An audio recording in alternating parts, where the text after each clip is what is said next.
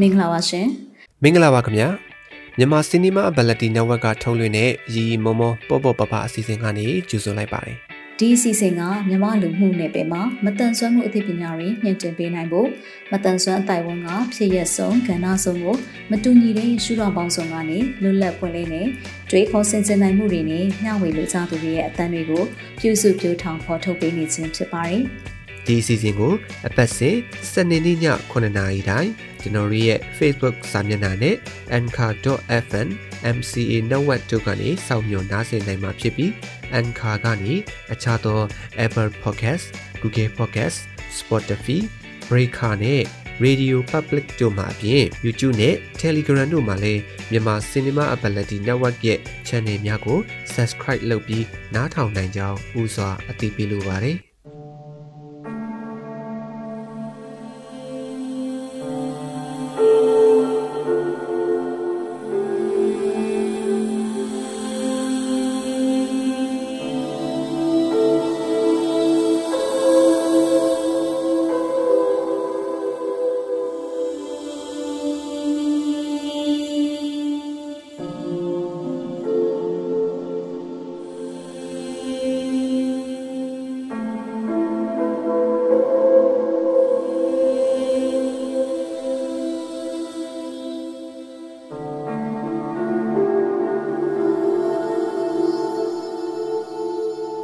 ကျမကတော့ပင်နိုင်တင်ဆက်သူနှွေးစာကြည့်ဆိုဖြစ်ပါတယ်။ဒီဘက်မှာတော့ကျမအနေနဲ့မိတ်ဆွေတို့ကိုပြောပြပေးမယ့်အကြောင်းအရာကတော့ကျမဖန်တီးခဲ့မှုတဲ့ရုပ်ရှင်များရဲ့အကြောင်းကိုမိတ်ဆက်ပေးမှာဖြစ်ပါတယ်။ရုပ်ရှင်လို့ပြောလိုက်ပြီဆိုလို့ရှိရင်ကျမတို့အနေနဲ့ဆိုလိုချင်တာကတော့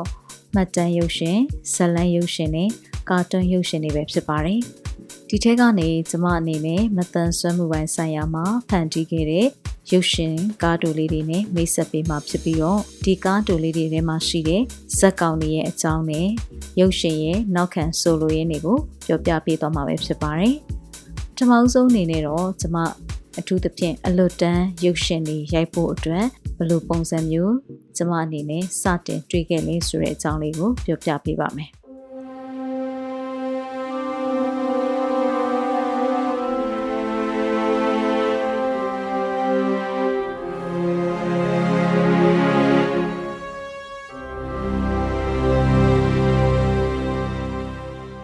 အရင်တုန်းကတော့ကျမအနေနဲ့ပုံမှန်ပဲကိုပိုင်စီးပွားရေးလုပ်တယ်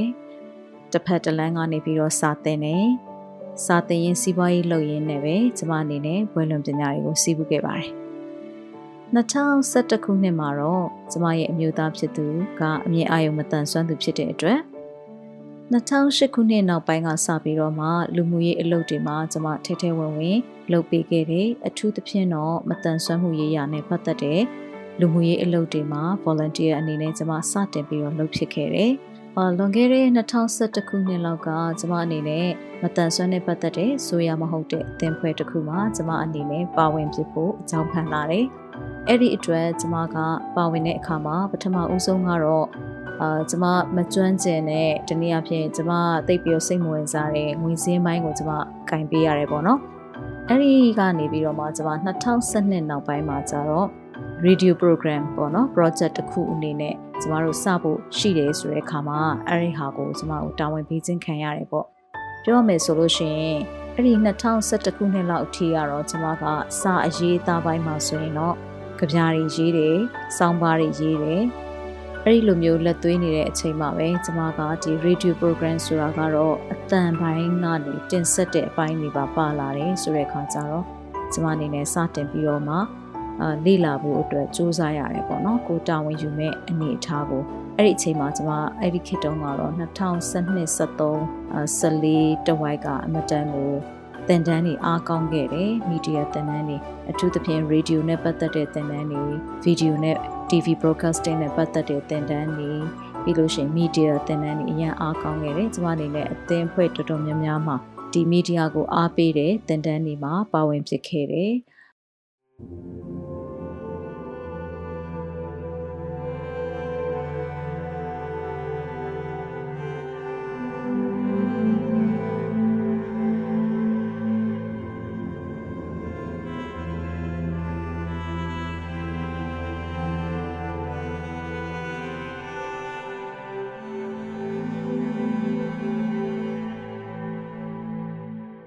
အဲ့ဒီကနေပြီးတော့မှကျမ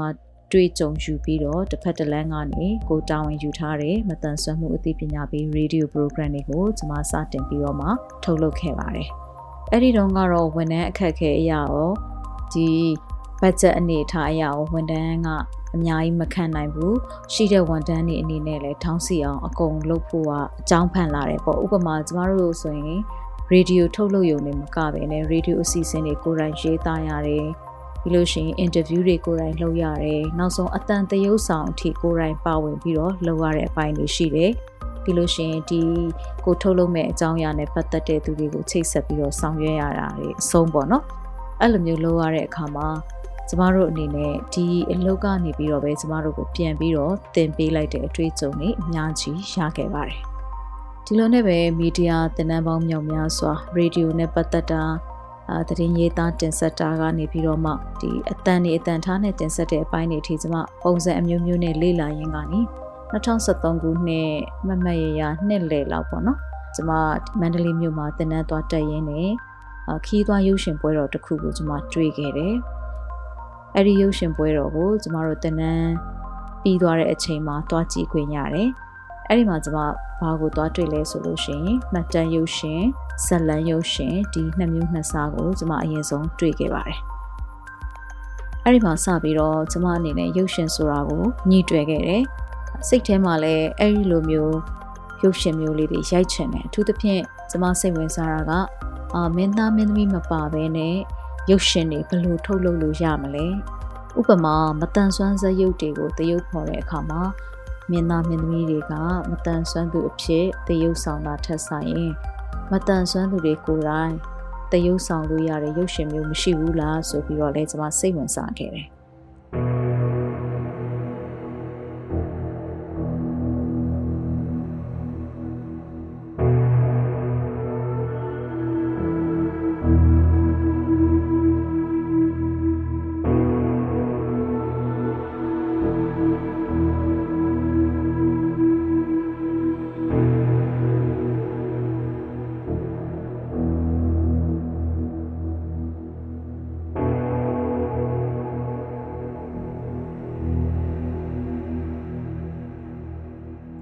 အဲ့ဒီလိုနဲ့မှတ်တမ်းရုပ်ရှင်ဇလန်းရုပ်ရှင်ကိုညှိတွယ်ရာကနေပြီးတော့မှ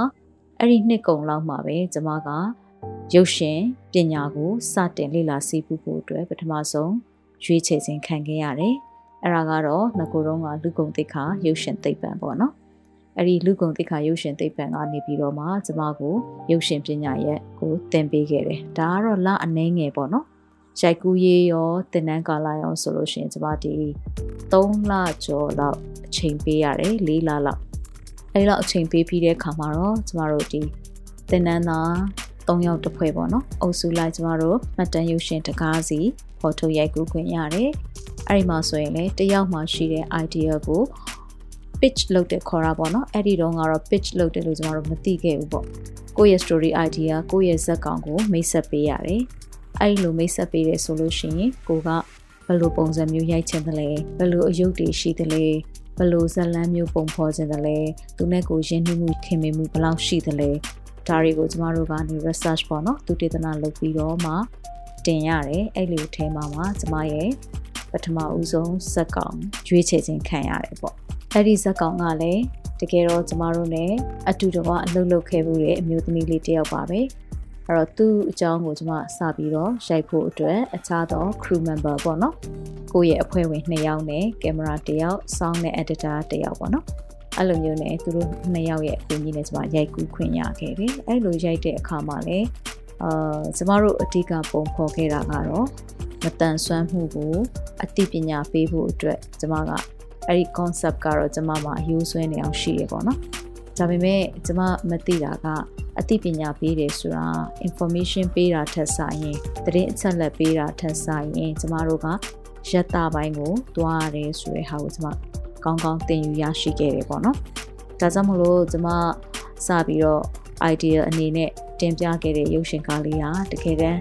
ရုပ်ရှင်ကားအဖြစ်နဲ့ပိတ်ကားပေါ်မှာရုပ်ရှင်ပွဲတော်တွေကိုရောက်လာတဲ့အခါမှာတော့တကယ်ပဲခန်းစားမှုရက်တာပေါင်းများစွာ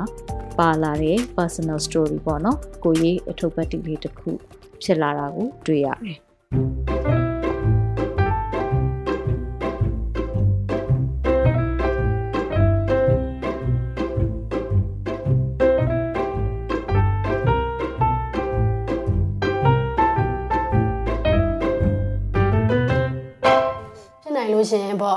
ဟိုကိုယ့်ရဲ့အဘတွေအမေကြီးတွေကလည်းပြောကြတယ်ဟဲပတ်စံဘလောက်ကုန်ကုန်ဒီလိုမျိုးကုပင်မယ်လေကုပင်မယ်စုံစမ်းပေါ့ရဲ့အဲ့လိုမျိုးနီးနာပတ်ဝန်းကျင်ဆိုလည်းဒီ6ရောက်အတွက်အဲ့လိုမျိုးစုံစမ်းကြတယ်ကိုကကြတော့လေဒီတကယ်တမ်းစဉ်းစားကြည့်မယ်ဆိုရင်တော့ဒီကိုယ့်ရဲ့ဒီ6ရောက်မတန်ဆွမ်းမှုဆိုတာဘယ်တော့မှပြုတ်ပြင်လို့မရနိုင်တဲ့အရာပေါ့အဲ့ဒါကိုဘယ်တော့မှပြုတ်ပြင်လို့ရမလဲဆိုပြီးတော့မျောလင့်တလင်းလင်းနဲ့နေခဲ့တယ်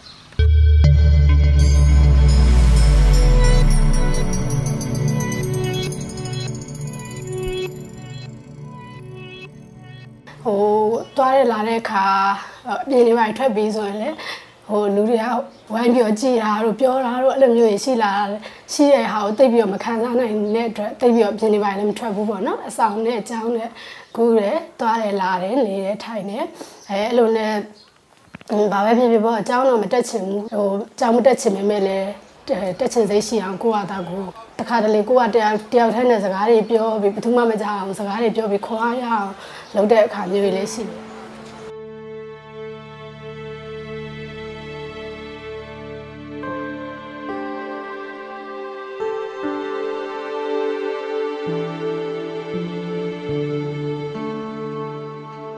အဲ့တော့ဒီ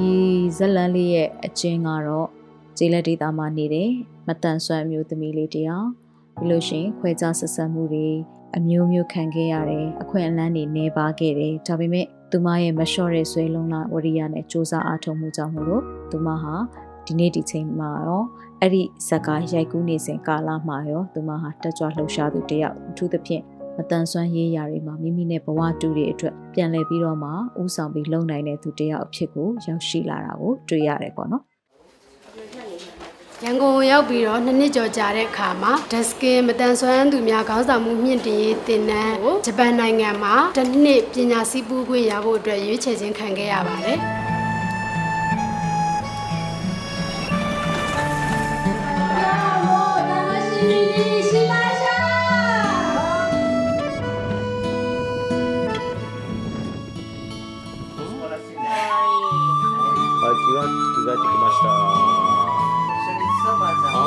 switching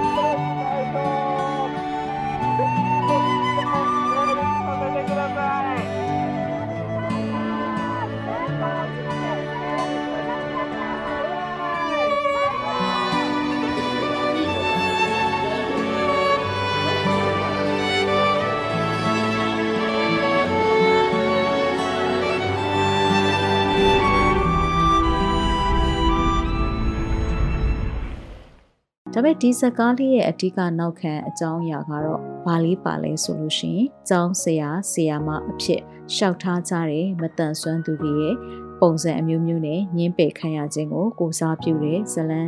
အကွေအဝိုက်လေးတစ်ခုလည်းပါတယ်ပေါ့နော်ကျမတို့ရုပ်ရှင်အခေါ်ဝေါ်နဲ့ဆိုရင်တော့ plot လို့ခေါ်တာပေါ့ဒါလေးကလည်းဇက်ကွက်တစ်ခုအနေနဲ့ပါတယ်သူ့ရဲ့ဘဝအနည်းအမြင့်အတက်ကြတိုင်းမှာရှိတဲ့ ဖြစ်ရက်လေးတွေကိုကျမတို့ကဇက်ကွက်လို့ပြောမယ်ဆိုလို့ရှိရင်ဒီကျောင်းဆရာမှာဖြစ်ခွင့်မရခဲ့တဲ့အကြောင်းလေးဟာလည်းသူ့ရဲ့ဇက်ကွက်တစ်ခုအနေနဲ့ပါခဲ့တယ်ပေါ့ဒီဇလန်းကိုအဓိကအားဖြင့်ကျမကဒီကျောင်းဆရာမှာဖြစ်ခွင့်မရပေမဲ့ဒီမတန်ဆွမ်းမျိုးသမီးလေးရဲ့ဆွဲမလျှော့ဘဲနဲ့စူးစမ်းအားထုတ်မှုတွေပြီးလို့ရှိရင်သူ့ရဲ့ရုန်းကန်ရမှုတွေနောက်ပြီးတော့သူ့ရဲ့အတွင်းစိတ်ပေါ့နော်အတွင်းစိတ်ထဲမှာရှိနေတဲ့ အားငယ်ခြင်းတွေဝမ်းနည်းခြင်းတွေစ조사ခြင်းစိတ်တွေမခံခြင်းစိတ်တွေစသဖြင့်ဒီလိုမျိုးလူရဲ့စိတ်သဘောရုန်းကန်တွန်းကြွမှုတွေကိုလည်းပါစေတယ်ပေါ့နော်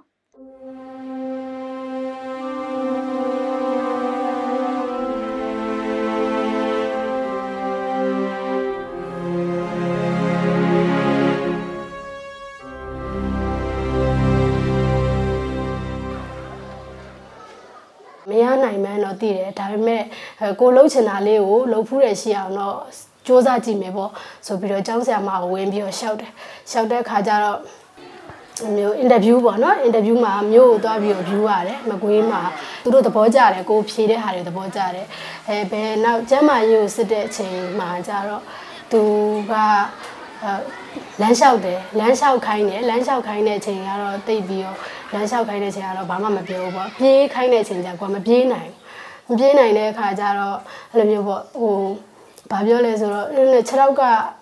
မပြေးနိုင်ဘူးပေါ့နော်မပြေးနိုင်ဘူးသူတို့အားကစားလဲလုပ်ရတယ်တဲ့အားကစားတွေလည်းလုပ်ရတယ်နောက်တစ်ပင်တွေကိုရေလောင်းတာတွေလည်းလုပ်ရတယ်တဲ့အဲ့ဒီအတွက်ပေါ့နော်ဒီဆမ်မတင်တန်းကိုတက်လို့မရဘူးအဆင်မပြေဘူးဆိုပြီးတော့ ဟိုတခြားလူတွေတခြားတငယ်ချင်းတွေလည်းတူတူလျှောက်ကြတယ်သူတို့တွေကတော့နောက်သူတို့ရဲ့ interview ဖြေရဘယ်လိုလဲ result ကဘယ်လိုလဲဆိုတာကိုစောင်းခွင့်ရပါမယ်ကို့မှာတော့စောင်းဖို့အတွက်အခွင့်အရေးတောင်မရှိတဲ့အခြေအနေမျိုးပေါ့နော်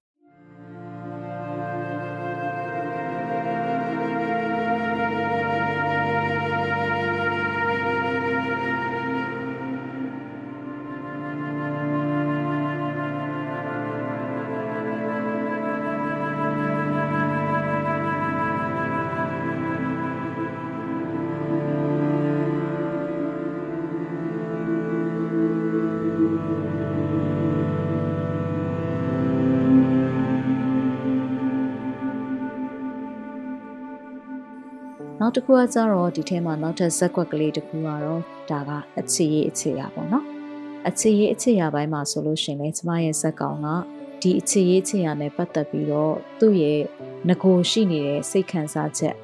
ပြောင်းလဲလာတဲ့စိတ်ခံစားချက်ဒီနှစ်ခုကိုသူတိတိတသားထင်ထင်ရှားရှားပြောပြသွားနိုင်တယ်ပေါ့နော်။ဘာလို့လဲဆိုတော့အဲ့အချိန်မှာတော့ကသူဟာသူ့ရဲ့ချစ်သူကို ပိတ်ကားပေါ်မှာမိတ်ဆက်ပေးနိုင်ခဲ့တယ်။နောက်တစ်ခုကကြတော့အချစ်ရေးချစ်ရမှာသူ့ရဲ့ခံယူချက်ကလေးကိုလေပုံပွင့်နေနေပြောပြတယ်။ဒါဆိုလို့ရှိရင်အရန်ကောင်းတဲ့အချက်ပဲ။အထူးသဖြင့်တော့ကုလသမဂ္ဂမတန်ဆွမ်းသူများအခွင့်အရေးဆိုင်ရာသဘောတူစာချုပ်ဆိုတာကျမတို့မြန်မာနိုင်ငံက2011ခုနှစ်မှာလက်မှတ်ရေးထိုးပြီးတော့အတည်ပြုခဲ့တဲ့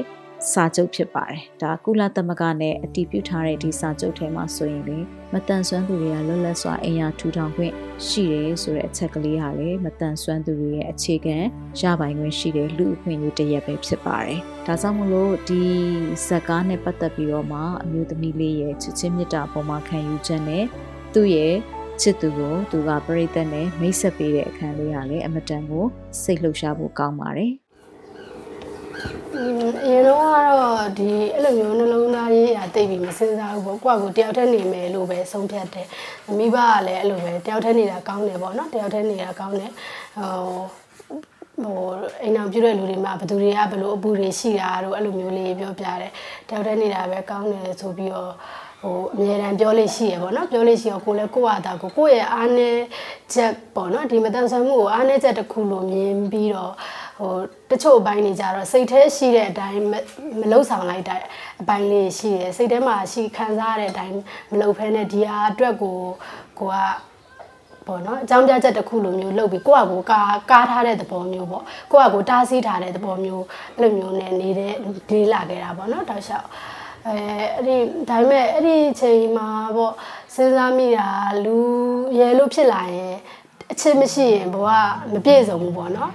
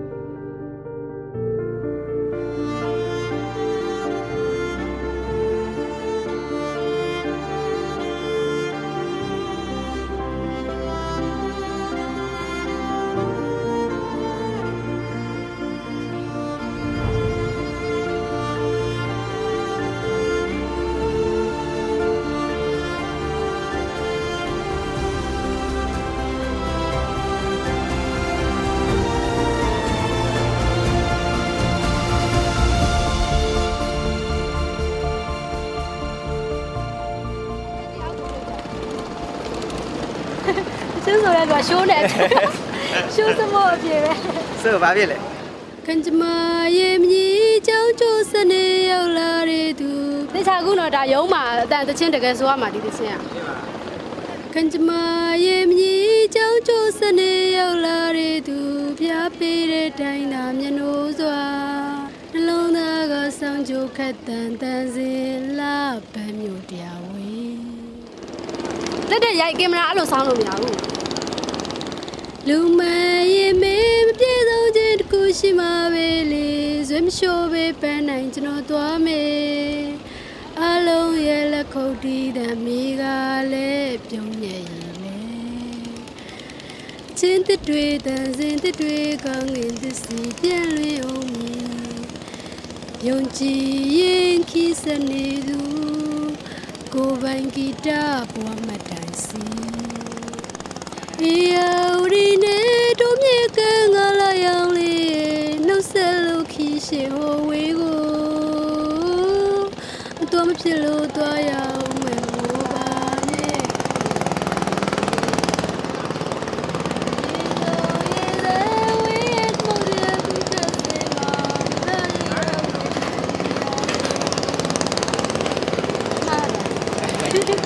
လက်စုံများရ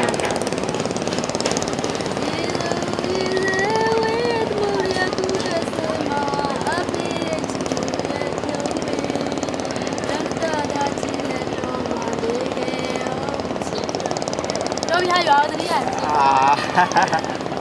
ကိုနေကိုကြီးကဘယ်လိုရိုက်တာလဲဒီဘက်ဒီဘက်ပြန်သွားကိုနေအောင်လေးပအောင်ရိုက်ပေးတာတွေ့လားဒီမှာဒီတကူတည်းပါဟောအမလေးဟမ်အတော့မကြဘူးမမြင်လားလူကစောင်းသွားတွေ့လားအေးတည်တယ်တကယ်တကယ်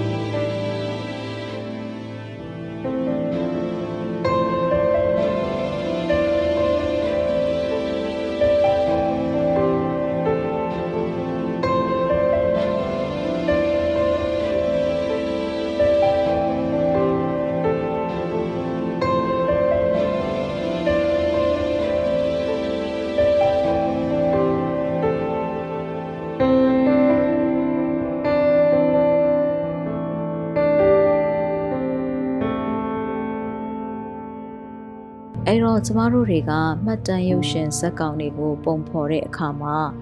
အထူးသဖြင့်မတန်ဆွမ်းသူတွေနဲ့ပတ်သက်ပြီးတော့ကျမတို့တာမန်ကြည့်နေရတဲ့မြင်ဘူးတဲ့ကြည်ဘူးတဲ့ရုပ်ရှင်တွေနဲ့တော့အနည်းငယ်ကွဲပြားမှာဖြစ်ပါတယ်။ဘာလို့လဲဆိုတော့ entertainment လို့ပဲပြောမလားကျမတို့ဒီယုံတင်ရုပ်ရှင်ကားကြီးတွေမှာပဲဖြစ်စေဒီ online ပေါ်မှာဖန်တီးကြတဲ့ရုပ်ရှင်အတိုလေးတွေဒါမှမဟုတ် video blog လေးတွေ ကအစပေါ့နော်မတန်ဆွမ်းမှုနဲ့ပတ်သက်ပြီးတော့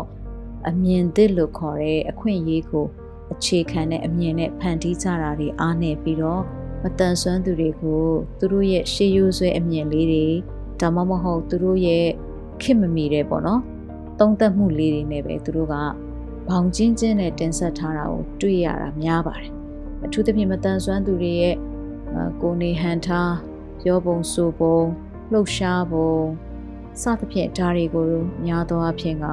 ရေစရာအနေနဲ့တရုပ်ဖော်ကြတာများတယ်။နောက်တစ်ခုကကျတော့တနာစရာအနေနဲ့တရုပ်ဖော်ကြတာများတယ်။နောက်တစ်ခုကကျတော့အစွန်းရောက်တဲ့တရုပ်ဖော်မှုတွေရှိတယ်ပေါ့။တနာစရာတို့ရေစရာတို့ဆိုလည်းအစွန်းစွန်ထိအာလုပ်ထားတဲ့တရုပ်ဆောင်မှုတွေတင်ဆက်မှုတွေရှိတယ်။ဒါမှမဟုတ်ရင်လည်းအရန်ကိုစူပါဟီးရိုးပုံစံမျိုးနဲ့သူရဲကောင်းကြီးအာအပြစ်နာစာ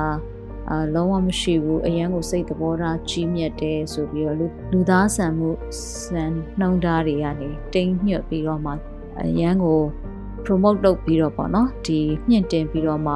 တဘာဝနဲ့မနီးစပ်တော့ဘဲနဲ့ပုံဖော်ကြတာမျိုးတွေလည်းတွေ့ရပါတယ်အဲ့တော့ကျမတို့ကဒီမှတ်တမ်းရုပ်ရှင်ရိုက်ပြီဆိုလို့ရှိရင်တော့ကိုယ့်ရဲ့ဇက်ကောင်ရဲ့အားနည်းချက်အားသာချက်တွေကိုတော့အရင်ဆုံးသိရတယ်ပေါ့နော်အဲ့တော့နောက်တစ်ခုကကိုယ်နဲ့ရင်းနှီးမှုယုံကြည်မှုဘယ်လောက်ရှိသလဲ နောက်တစ်ခုကသူကကိုယ့်ရဲ့ရုပ်ရှင်ဇာတ်ကားကိုဘလောက်တိုင်းတာထိအာစိတ်ရောကိုယ်ရောအချိန်ပေးတာရောစူးစမ်းအားထုတ်တာရောပူပေါင်းလှုပ်ဆောင်တာရောဘလောက်ထိလုပ်နိုင်လဲဆိုတဲ့အပေါ်မှာအများကြီးမှုတည်တယ်ပေါ့နော်ကျမတို့ဆိုလို့ရှိရင်အဲ့ဒီတုန်းကဒီဇက်ကောင်နဲ့ပတ်သက်ပြီးတော့မှသူလှုပ်ရှားမှုမှန်သမျှကိုအနည်းဆက်ဆုံးနဲ့အကောင်းဆုံးရအောင်ကိုခေါ်ထုတ်ခြင်းနဲ့ဇလန်းအနေထားနဲ့လိုက်ဖက်အောင်ကျမတို့နေရာပေါင်းစုံလိုက်ရိုက်ကြတယ်။ ဥပမာသူကရန်ကုန်မှာအလုပ်လုပ်နေတယ်ဆိုရင်ရန်ကုန်မှာရိုက်တယ်။သူ့ရဲ့မိသားစုရှိရာသူ့ရဲ့မွေးရက်စာတီကိုလိုက်သွားတယ်ဆိုလို့ရှိရင်လည်းကျမတို့ဒါမကွေးဘက်ပေါ့နော်မကွေးဘက်ကရွာလေးတွေမှာကျမတို့သွားပြီးတော့ရိုက်တယ်။နောက်ပြီးလို့ရှိရင်သူ့ရဲ့လှုပ်ရှားမှုအနေနဲ့အဲ့ဒီတော့ကကျမတို့ရိုက်တဲ့ကာလက SEA Game ရှိနေတယ်ပေါ့နော်မြန်မာနိုင်ငံကအင်ရှင်နိုင်ငံအဖြစ်နဲ့ကျင်းပနေတဲ့ SEA Game ရှိတဲ့အတွက်ကျမတို့ကဒီမတန်ဆွမ်း အဲအားကစားပြိုင်ပွဲပေါ့နော်အဲဒီ SEA Game ကိုလည်းကျမတို့သွားပြီးတော့မှသူနဲ့အတူမှတ်တမ်းတင်ခဲ့တယ်။နောက်ပြီးတော့သူတို့ရဲ့ personal လှုပ်ရှားမှုလေးတွေပေါ့နော်သူချစ်သူနဲ့လမ်းလျှောက်လေးရှိတဲ့စိတ်ကန်းလေးတွေစသဖြင့်ဒါမျိုးလေးတွေသူ့ရဲ့တနေ့တာလှုပ်ရှားသွားလာမှုတွေလှုပ်လှုပ်ပုံတွေဒါတွေကိုကျမတို့ရိုက်ခဲ့တယ်ပေါ့အဲ့တော့ရိုက်တာရိုက်ပေမဲ့တကယ်တမ်းကျတော့ကျမတို့လုံးလုံးမသုံးလိုက်ရတဲ့ရုပ်ကတ်တွေလည်းအများကြီးရှိပါတယ်အထူးသဖြင့်ဆိုရင်ကျမတို့ C game မှာ အပင်ပန်းခံပြီးတော့မှငွေကုန်ကြေးကျခံပြီးတော့မှတွားရိုက်ထားတဲ့ရုပ်ကတ်တွေဆိုရင်တရုံးမှမသုံးလိုက်ရတာကိုတွေ့ရတယ်ပေါ့နော်သိပြီးတော့နှမျောဖို့ကောင်းတယ်ဒါပေမဲ့လည်းကျမတို့ကဒီရုပ်ရှင်ဖန်တီးမှုမှာဆိုရင် kill your darling လို့ပြောကြတယ်ပေါ့နော်ကျမတို့အရန်ပင်ပန်းခံပြီးရိုက်ထားတဲ့ရုပ်တွေကိုကျမတို့ကနှမျောပြီးတော့မဖြစ်ဖြစ်အောင်ထည့်သုံးမယ်ဆိုလို့ရှိရင်ကျမတို့ရဲ့ပေးခြင်းတဲ့ဇလန်းရဲ့သဘောတဘာဝအကြောင်းအရာဒါမှမဟုတ်ယက်တာပေါ့နော်တခုခုကိုလျော့ပါသွားစေတယ်ပေါ့ ဒါကြောင့်မလို့ကျမတို့ကကိုယ့်ရဲ့လောဘကိုပယ်တတ်နိုင်ရမယ်ပေါ့နော်ဒါကြောင့် kill your darling လို့ပြောကြတယ်အဲ့တော့ကျမတို့ကဒီရုပ်ရှင်ဖန်တီးတဲ့အခါမှာကိုအားထုတ်ထားတဲ့ဟာတိုင်းကိုတံမိုးထားပေမဲ့လို့တကယ်တမ်းကျတော့ရုပ်ရှင်ရဲ့ဇက်သွားအလားအချိတ်ဆက်အားကောင်းမှုအတွက်ဒီတီးဖြတ်တဲ့ကဏ္ဍတွေမှာကျမတို့ကဖယ်ထားတဲ့နာတတ်ထားတဲ့နာကိုဖယ်တတ်နိုင်ဖို့ စိတ်လဲလှူတယ်ပေါ့နော်အဲ့တော့ကျမအနေနဲ့ဆိုရင်တော့အရန်နှမျောတယ်ငွေကုန်ကြေးကြလဲခံရတယ်အပင်ပန်းလဲခံပြီးတော့ချိန်ပေးပြီးတော့တကူတကတောင်းရိုက်ထားတယ်အယုတ်တီရှိပေမဲ့ကျမတို့ကဒီ personal story ကိုဥတည်တဲ့အတွက် advocacy လုပ်တဲ့အပိုင်းပေါ့နော်အသိပညာပေးတဲ့အပိုင်းကိုကျမတို့ short လိုက်ရတဲ့အပိုင်းတွေလည်းရှိသွားတယ်ပေါ့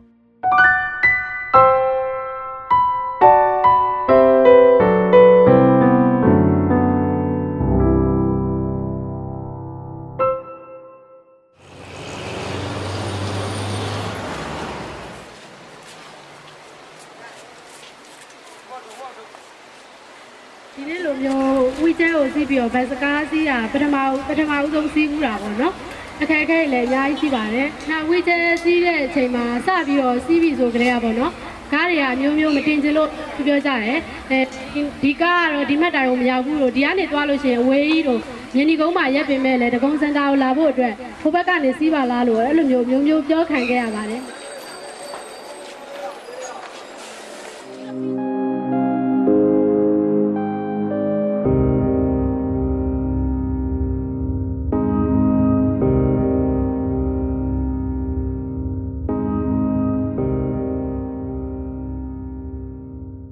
နောက်တစ်ခါကျတော့ကျမက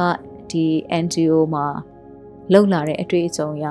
ကိုယ်တိုင်လည်းမတန်ဆွမ်းမှုအသိပညာပေးတဲ့ radio program တွေကိုတစ်ဖက်မှာဖန်တီးနေတဲ့ကာလဖြစ်တဲ့အတွက်ကျမအရန်အသိပညာပေးခြင်းနဲ့စိတ်လောဘကြီးတယ်ပေါ့နော်လူတွေကိုအရန်ရှင်းပြခြင်းနဲ့လူတွေကိုအရန်မတန်ဆွမ်းမှုဘ ഹു တုတတွေရစေခြင်းနဲ့အဲ့လိုမျိုးဖြစ်တဲ့အတွက်တစ်ခါလေးမှအဲ့ဒီဟာကကျမရဲ့ဖန်တီးမှုမှာလာပြီးတော့အနှောက်အယှက်ဖြစ်တယ်ပေါ့နော်အဲ့ဒါပါလဲဆိုတော့ဟို တာမန်လူသားဆန်ဆန်တွေးရမယ့်ဟာတွေပျောက်သွားပြီးတော့ကျမတို့ကဘယ်လိုပြောမလဲအတန်ဆွမ်းမှုအသိပညာပေးခြင်းစောအားကြီးသွားတဲ့အခါမှာလူသားဆန်မှုရက်တပျောက်တဲ့အထိဇလန်းကပေါ့သွားနိုင်တယ်ပေါ့နော်ဒါကြောင့်မလို့တချို့ဟာတွေဆိုရင်လည်းအဲ့မှာ kill your darling ပြန်လုပ်ရတယ်ပေါ့နော်ကျမအနေနဲ့ဟိုဒီ advocacy ကိုဘယ်လောက် percentage လောက်ပဲကျမသုံးမလဲပေါ့ဥပမာ advocacy ကျမ30%လောက်30ရာခိုင်နှုန်းလောက်သုံးတယ်ဆိုရင်ကျန်တဲ့80ရာခိုင်နှုန်းကရက်တာပိုင်း personal story ပေါ့နော် အာကိုရေးအထုပ်ပတ်တိကိုရေးဆက်ကြောင်းပိုင်းကိုကျွန်မပို့သွားပေးတယ်အဲဒီကနေပြီးတော့မှအဲဘလို့အတွေ့အကြုံရလာလဲဆိုတော့ဒီအမျိုးသမီးလေးတယောက်ကိုဇက်ကောင်ဖြစ်ရိုက်တာဒီဒီအမျိုးသမီးလေးကနေမြန်မာပြည်မှာရှိတဲ့သူ့လိုမျိုးအမျိုးသမီးပေါင်းမြောက်များစွာသူ့လိုမျိုးကျောင်းဆရာမဖြစ်ခွင့်မရခဲ့တဲ့မတန်ဆွမ်းအမျိုးသမီးတွေအတွက်အမျိုးသားတွေအတွက်ဒါမှမဟုတ်ဒီနယ်ကနေပြီးတော့မှကျေးလက်ဒေသကနေပြီးတော့မှမြို့စည်းပြကြီးမှာအခက်ခဲပေါင်းများစွာကြော်ဖြတ်ရင်းနဲ့ လာပြီးတော့အလုပ်ကိုင်ခွင်လန်းရှာတဲ့မတန်ဆွမ်းမျိုးသမီးလေးအနေနဲ့ပဲဖြစ်ဖြစ်သူ့မှာကိုစားပြုတဲ့ဇယုတ်တွေအများကြီးရှိလာတယ်ပေါ့နော်နောက်ဆုံးကိုနဲ့ဘဝတူတွေရဲ့အခွင့်အရေးအတွက်တိုက်ပွဲဝင်ပေးနေတဲ့တက်ကြွလှုပ်ရှားသူအမျိုးသမီးလေးအဖြစ်ဒီလိုမျိုးသူ့ရဲ့ level တွေတက်တက်လာတာကိုကျမတို့ကဘယ်လိုပြောမလဲဆိုရင်ဒါကသူ့ရဲ့ character development လို့ပြောမလားပေါ့နော်သူ့ရဲ့ဇက်ကောင်စရိုက်တဖြည်းဖြည်းနဲ့ဖွံ့ဖြိုးတိုးတက်လာတာက သူနဲ့ဘဝတူ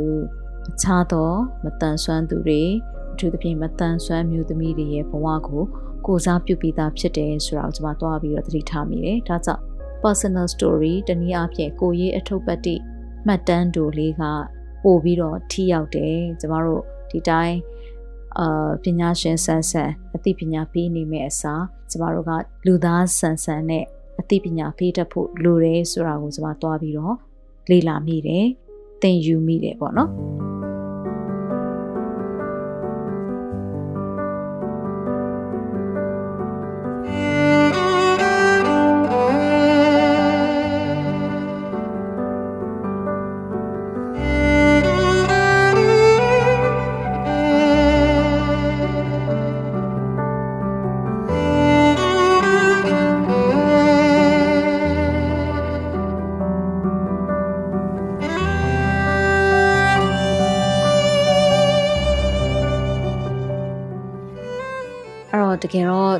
ရုပ်ရှင်ကားက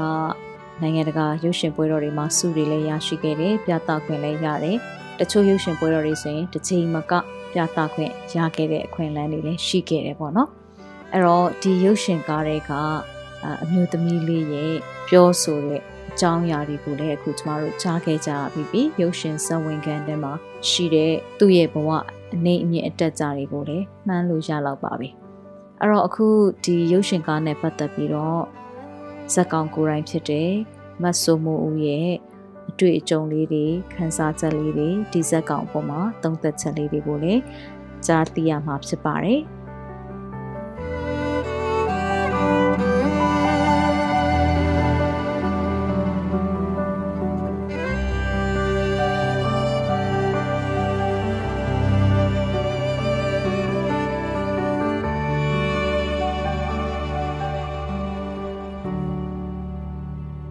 ခုအစီအစဉ်ကိုမိတ်ဆွေတို့အနေနဲ့အစအဆုံးနားထောင်ပြီးပြီဆိုရင်တော့မိမိတို့ရဲ့သဘောထားမှတ်ချက်များကို